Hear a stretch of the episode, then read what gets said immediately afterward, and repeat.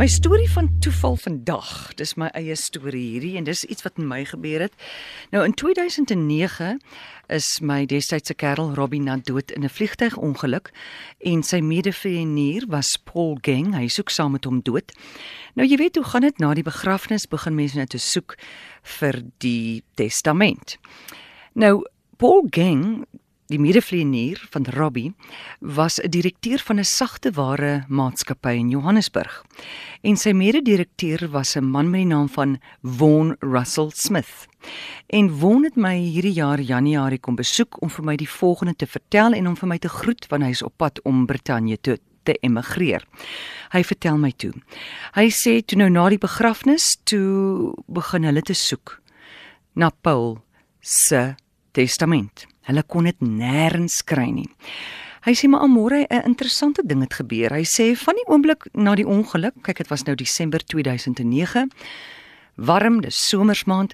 Hy sê en in sy huis waar hy slaap saans, slaap hy met al die vensters oop en hy het 'n groot skuifdeur in sy slaapkamer wat hy waarwyd oopmaak dat daar 'n heerlike luggie kan deurtrek.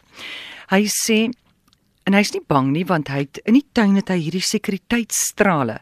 Dit monitor enige beweging in die tuin. So as enige iemand verby daai straal loop, gaan daar 'n alarm af.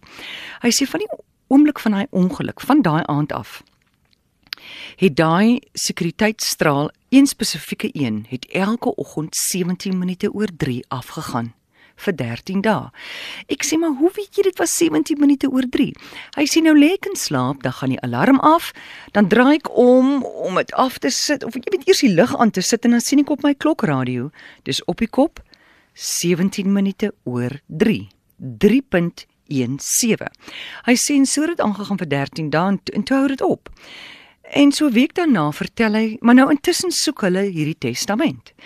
Week daarna vertel hy vir sy suster van hierdie eienaardige verskynsel by die huis dat hierdie dat daar die alarm afgaan. Daar het van die oggend, o ja, hulle kom toe intussen agter, daar's 'n kat wat elke oggend 17 minute oor 3 daar verbygestap het. Hy vertel toe hierdie verhaal vir sy suster en sy sê vir hom Boet, het jy al ooit gaan kyk in julle argiewe nou by die maatskappy?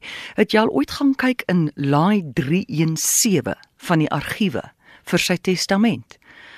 Hy sê nee nog nie. Sy sê maar gaan kyk en hy haas hom na die argiewe toe.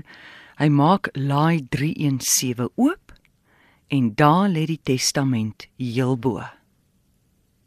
Ongelooflik.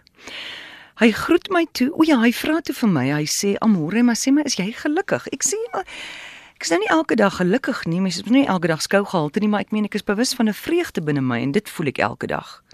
Hy klim in my kar, in sy kar, hy groet my. Hy ry so 20 meter, hy stop. Hy sê kom hierso. En ek gaan nader. Hy sê vir my jy moet sorg dat jy gelukkig is. Want die lewe is lank.